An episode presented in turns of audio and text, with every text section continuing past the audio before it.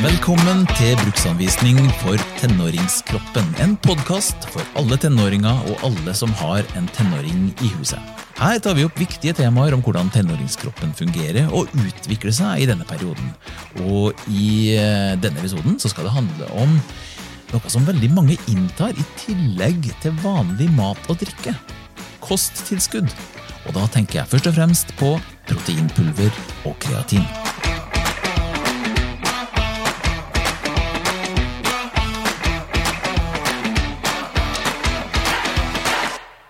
Mitt navn er Ole André Sivertsen, og før jeg hører på alt som episodens ekspert har å si om eh, temaet, så har jeg samla en gjeng tenåringer for å høre hva de tenker om proteinpulver og kreatin. Jeg har fått hørt at det skal hjelpe med å bygge muskler. Broren min brukte litt, så jeg bare prøvde. Men eh, jeg kjente ikke på noe forskjell. Hva med kreatin? Det har du testa? har jeg prøvd. Ja. Eh, Men jeg følte heller ikke at det funka. jeg er litt usikker, egentlig. Ja. Men eh, du skal i hvert fall bygge muskler fortere da. Ja. Og se resultat fortere. Nei, det er jo et pulver, da, men det er jo også i rødt kjøtt. Men det er ikke så mye av det. Og du får bedre tilgang til det ved hjelp av pulver. Jeg gjorde det en periode, men Ja. det var liksom Jeg kjøpte en pakke, og så når jeg var tom med den, da gjorde jeg det ikke mer. Nei. Jeg har aldri brukt det, så Nei, Jeg vet ikke helt hvordan det fungerer, men hvordan du skal få det til å fungere, er jo å drikke mye vann. Du må jo få i deg nok vann til at det skal hjelpe, så det har jo selvfølgelig noe med vann å gjøre. Ja, dette her var det gruppa Mikkel Henrik, Jenny og Nora eh, kom på om proteinpulver og kreatin. Og jeg vet ikke hva du tenker om dette her. Truls Råstad, du er professor i idrettsfysiologi og leder av Muskelgruppa, som jobber med forskning og undervisning i tilknytta muskulære tilpasninger til trening. Velkommen. Hva tenker du? Jo, jeg, jeg tror det representerer eh, det mange erfarer og tenker rundt både eh, proteinpulver og, og, og kreatin. Så jeg tror det er ganske vanlige tanker, og det, jeg tror det også reflekterer litt kunnskapsnivået eh, blant ungdom. Grunnen til at jeg forklarte sånn bakgrunnen din eksplisitt, er jo at du er jo egentlig rett mann i Norge til å snakke om dette her. For dette, dette har du jobba mye med. Ja, forskningen vår eh, går mye på hvordan muskler tilpasser seg trening, og det er også i kombinasjon med kosthold, og det kan være proteinpuller og det kan også være kreatin vi, vi ser på da, og ser direkte effekten på i forskningen vår. Hei, jeg heter Mikkel. Jeg er 15 år, og jeg lurer på hvordan proteinpuller fungerer. Ja, Vi starter jo egentlig på basics her. da, fordi at eh, Når vi snakker om kosttilskudd, så, så ser vi at det er altså Hvis du søker på det på nett, eller du søker på protein, så får du tilbud om veldig mye du kan kjøpe, deriblant proteinpulver. Eh, og Kan ikke du fortelle bare sånn hvordan For å forstå det, så tenker jeg vi må forstå også hvordan en muskel fungerer. Skal vi starte der? Ja, det høres fornuftig ut. Og en muskel er bygd opp av mange muskelceller, det vi kaller muskelfibre. Og inni hver muskelfiber så har vi mange lange proteintråder som danner store sylindere. Og det er de proteintrådene her som gjør at muskelen kan trekke seg sammen og skape kraft. Så Ja. det er selve grunnlaget for, eh, for at vi kan bevege oss, eh, blant annet. Og, og den kraften må da overføres videre via sener til knoklene, sånn at du får den bevegelsen du er ute etter. Og de er jo ganske forskjellige fra folk til person til person. Ja, det er ganske tydelig når man ser på personer. Ja. Eh, Og det har både med arv og hva man gjør aktivitet eh, eh, For det former musklene våre på ulike måter. Men er det, er det da antallet sånne proteintråder man har i en muskel som bestemmer det, eller kan man trene hver tråd, eller hvordan funker det liksom når man trener eller blir Ja, sterkere? ja, det er et par ting der. Eh, Det som er mindre trenbart, det er hvor mange muskelfibre vi, vi kan få. Eh, Så det vi trener opp, er først og fremst hvor store hver enkelt muskelfibre er. Men det er igjen bestemt av hvor mange og hvor store de proteintrådene inni muskelfiberen igjen er. Så det er, det er å bygge opp de her proteintrådene og, og få de så store som mulig, som, som gjør at muskelen da vokser, f.eks. ved styrketrening. Ja, riktig. Og så, når, du da, når vi nå beskriver muskler, så snakker vi jo da om protein. Da, så det betyr jo at det er veldig sentralt her. Eh, har det da noe, noe å si hvor, at du får nok proteiner, rett og slett? Ja, Det er viktig for generell helse, også når man skal bygge muskler. At du har nok av eh, proteiner, eller eh, det vi egentlig trenger nok av, er byggestenen i proteinene, aminosyrene. Ja. At vi har nok tilgang på aminosyre for å bygge de proteinene vi trenger. Riktig. Og aminosyrer, det er noen, noen kan vi produsere selv, mens noen må du rett og slett få fra kosten. da. Ja, det, det er riktig. Totalt sett bruker vi 20 aminosyrer som vi bygger proteiner av, og ca. 10 av de er essensielle. altså Vi må få dem tilført av, fra, fra maten vi spiser, mens de andre kan vi produsere ut ifra alle de andre aminosyrene vi spiser. Ja. Men er det da sånn, altså, Jeg, jeg, jeg syns det er litt fascinerende når jeg hører at man eh, får tilbud om å få helt spesielle proteiner i et, et kosttilskudd eller i et spesiell mat, eller til og med i en hudkrem. Liksom, så kan man få at det er spesielle proteiner, Men det er jo kroppen selv som egentlig setter disse aminosyrene sammen til proteiner for at de skal virke i kroppen vår. Ja, det er, det er helt riktig. Og, og hver gang vi spiser et protein, så må det først brytes ned til alle de her aminosyrene. Og det vi tar opp i kroppen, er egentlig bare frie aminosyrer som da må bygges opp igjen til, til proteiner. Ok, Så, så- det at det man annonserer på forsiden av et produkt at det inneholder de og de proteinene, det er egentlig som å si at her har vi noe som uansett skal plukkes fra hverandre? Ja, det, det er det. Så, men men det, det det kan bety, er jo at det kan ha en spesiell sammensetning av de essensielle aminosyrene. Nettopp, ja. og noen eh, har mer av de essensielle aminosyrene enn andre, som, som går på noe vi kaller proteinkvalitet igjen.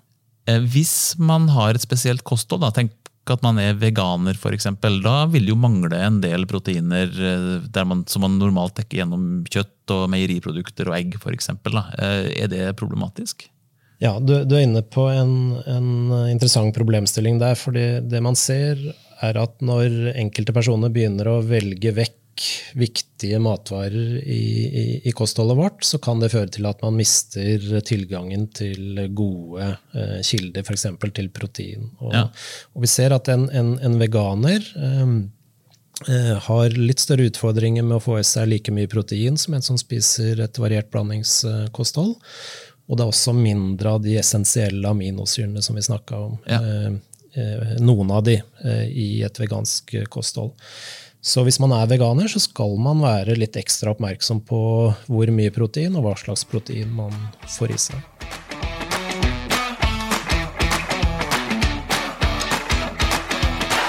Men for å dekke dette proteinbehovet, da, hva tenker du da om proteinpulver?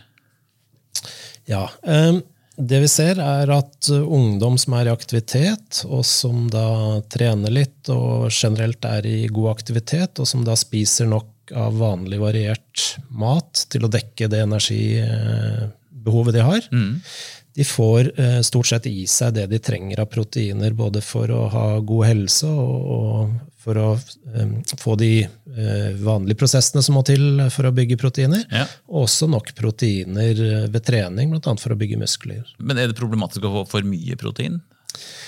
Eh, Nei, I utgangspunktet er det ikke direkte skadelig å få for mye protein, for vi har gode mekanismer for å kvitte oss med det som er overskudd eh, av protein. Så det som eventuelt kan være en utfordring, er at eh, du kan få for lite av andre energigivende næringsstoffer, som karbohydrater og eventuelt fett, hvis proteininntaket i seg selv blir for, for høyt. Da. Eh, En annen ting med å spise mye mm, proteinpulver er jo at eh, som regel må du da bytte det ut med noen andre matvarer for ikke å få i deg altfor mye energi. Eh, Så det som kan være en utfordring da, er at du bytter ut så mye proteinpulver, f.eks. å la være å drikke melk, spise andre gode proteinkilder. Og det du får i deg med proteinpulveret, er protein og energien, men det er veldig lite mineraler og vitaminer. Så hvis du bytter ut veldig mye av andre matvarer med proteinpulver, så får du altså mindre vitaminer og mineraler, og du tynner på en måte ut næringsinnholdet i, i kostholdet ditt. Du får ikke i deg alt det andre som også er i maten. liksom. Nei, nettopp. Og, og det kan være også viktig å tenke på. Riktig. Men du kan vel også bare forbrenne proteinene? Ja, det, det gjør det hvis du spiser for mye protein, sånn at du er i en positiv energibalanse, altså at du får inn mer, mer energi enn du, du, du trenger, så bruker du litt av proteinet til energi ved at du bryter det ned til egentlig karbohydrater først. Ja. Mm. Og hvis du også er i en eh, positiv energibalanse, så vil du også kunne lagre noe av det overskuddet som, som fett. Da. Det er den, egentlig den eneste måten vi kan lagre et overskudd av energi på.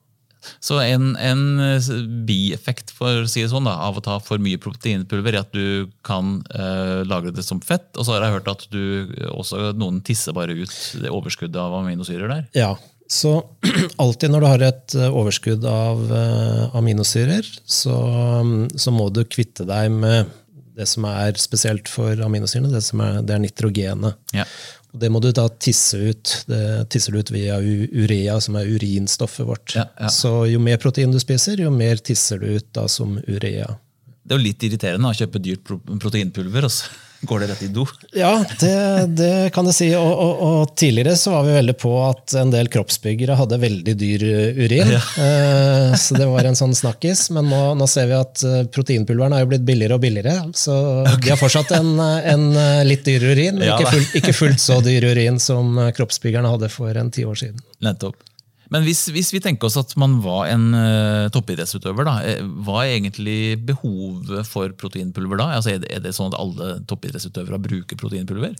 Eh, Jeg vil ikke si at det er vanlig, og, og det er langt fra de fleste som bruker proteinpulver. Eh, Det vi ser er at det er flere, i hvert fall en høyere andel av de som driver med styrke- og kraftidretter, altså f.eks.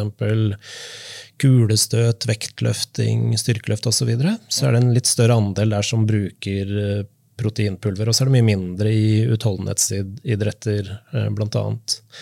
Men, men, men det vi ser, er at eh, i utgangspunktet så er det også mange av de beste innen styrke- og kraftidretter som ikke bruker proteinpulver. Så, så det er ikke nødvendig. Så det er, eh, det er et valg man, man tar eh, individuelt, egentlig. Mm.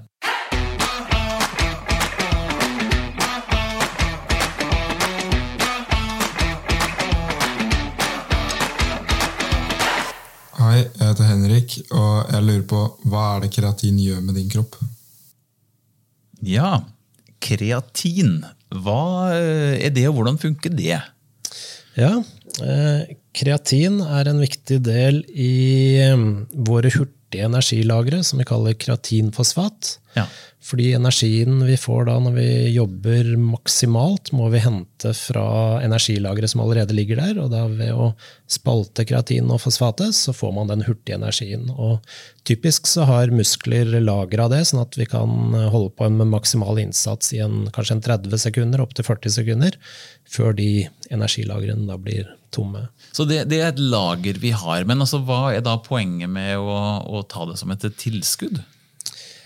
Jo, eh, det man har sett, og det begynte man å se fra noe svensk forskning for ca. 40 år siden, er at hvis man spiste mye større dose med kreatin, så fikk man enda litt større lagre i, i muskulaturen av kreatinfosfat. Okay. Så ved å ta store doser i en kort periode, så kan man øke de lagrene lite grann. Eh, Det vil si, de fleste av oss kan øke de litt. Okay. Men ca. 30% har det ingen effekt på, fordi eh, det ser ut som eh, 30% av oss har allerede fulle eh, eh, kreatinlagre uten at vi tar de her store dosene.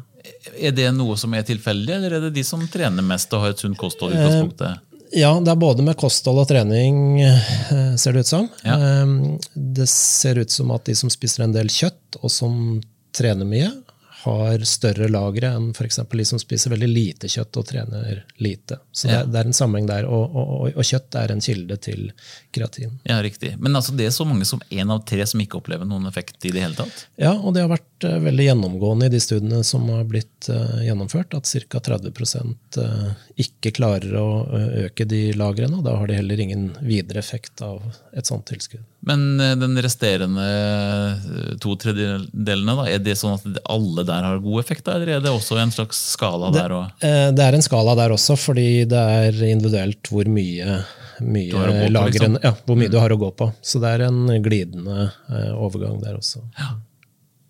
Det var noen som sa i innledningen her fra tenåringene at eh, det hadde noe med vann å gjøre. Eh, Hva er sammenhengen der? Ja, eh, det merker man veldig godt når man begynner med kreatintilskudd. Eh, Det er litt ulikt hva man har anbefalt, men hvis man tar de store dosene den første uka og får større kreatinlagre, så går man ofte opp 1-2 kilo eh, med en gang. Og det er fordi at de her kreatinfosfatlagrene trekker mye mer vann inn i muskelfiberne. Så de svelger litt og, og tiltrekker seg mer vann. Ok, Så, Du får større muskler, men det er bare vann? I første uka så er det bare vann. Ja. Og så endres det litt etter uker med, med, med trening, men i hvert fall den første vektøkninga er bare, bare vann. Ok. Så det kan jo stille spørsmål om hvor kult det er. da. Så folk kommenterer at du har fått store muskler, og så er det bare vann. Blir Ja. du sterkere av det? Eh, ikke i, i, i starten, men, men det man ser når man kombinerer det med en treningsperiode på, på 10-12 uker, så ser man faktisk at det gir en liten økning i hvor mye du øker i styrke, og det gir også en liten økning da, eh, i hvor mye du legger på deg i muskelmasse da, over 10-12 uker. Men det som er viktig da, er at um, vi vet ikke hvordan det går videre. Um, hvis man har et perspektiv på å utvikle seg over noen år, så er det mindre sannsynlig at den kreatinen har noe særlig mer effekt enn et, eh, et vanlig kosthold. Og det kan også være sånn at hvis du da bestemmer deg for å slutte med kreatin etter de tolv ukene, så vil du miste den ekstra effekten med en gang. Riktig. Så hvis du jobber for et litt langsiktig mål da, om at du skal på en måte gradvis øke prestasjonene dine, så er det ikke sikkert at kreatinen egentlig hjelper deg noe særlig i det store bildet. Nei, det, teoretisk så ser det ut som den eh, effekten skal bli mindre og mindre jo, jo lenger du eh, tenker inn i fremtiden, egentlig.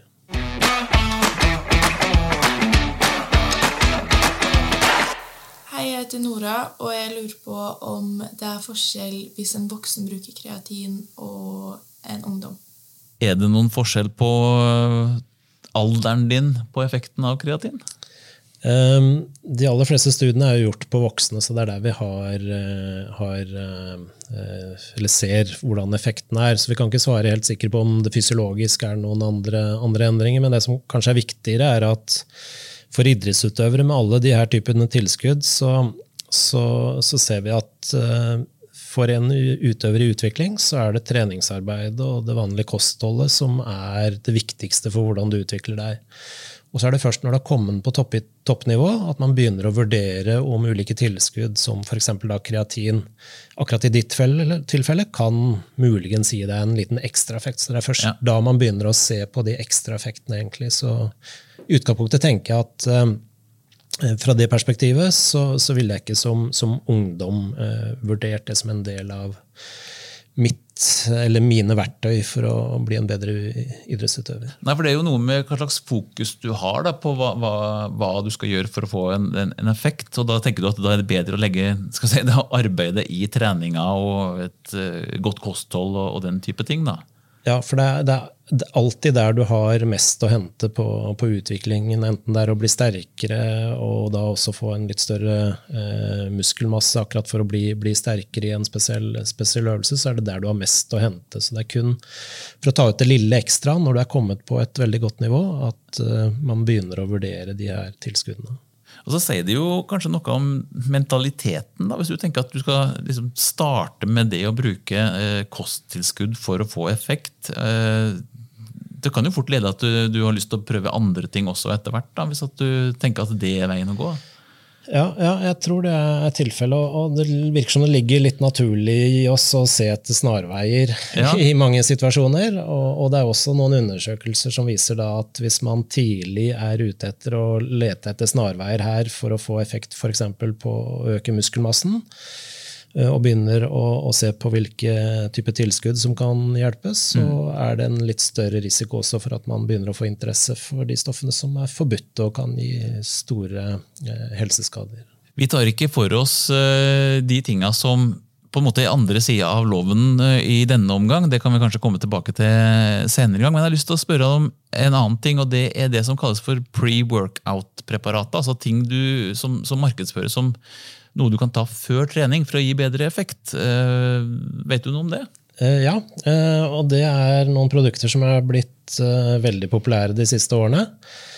Eh, Og grunnen til at de er blitt populære, er nok at de markedsføres med å ha veldig mange positive effekter. Eh, Både at du skal få større effekt av hver enkelt treningsøkt. De inneholder bl.a. ekstra protein, ekstra kreatin, som vi har eh, vært inne på, og masse andre forskjellige ingredienser også som påstås å, å, å ha effekt. Ja. Men det det i mange tilfeller koker ned til, med, som har ekstra effekt, spesielt på en treningsøkt, eh, det er at de inneholder en del koffein, som gir en sentralstimulerende effekt. Så Eh, Det noen opplever, er jo at de føler seg da at de kan gi litt mer på en treningsøkt. Men det er ikke det samme som at du får bedre effekt av treningsøkta. Nei. Eh, Det kan kanskje hjelpe deg inn i en konkurranse hvor du må gi absolutt alt, men på en treningsøkt så er det sjelden at det å presse seg maksimalt er det som gjør om du får god effekt av økta eller ikke. Nei. Eh, Snarere tvert imot, så, så all trening skal være ganske kontrollert. Eh, Sånn at man kan bygge på en ny treningsøkt om ikke så lenge. Så, så for treningseffekten så har vi ingen grunn til å tro at det vil gi noen ekstra effekt.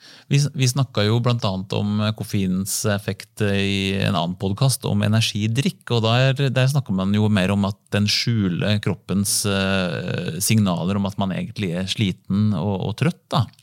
Og da er det vel det egentlig som gjør at det ikke er spesielt gunstig inn mot en treningsøkt. Ja, det, det er akkurat det. Du kan eh, rett og slett gjøre den treningsøkta litt for tøff, Ja. eh, sånn at du får en negativ effekt av det, enn at du hadde gitt deg akkurat når det var det riktige belastningen du hadde fått i den økta. Da. Og det kan gå både på treningstilpasning, men det kan også gå i forhold til risiko for skader over tid.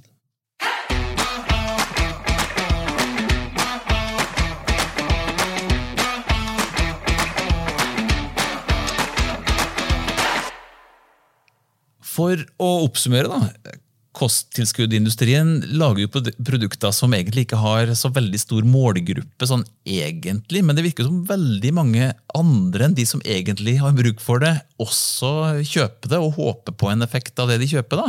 Ehm, er det litt sånn mismatch her? Er det, hva- er det som gjør at det blir sånn, egentlig?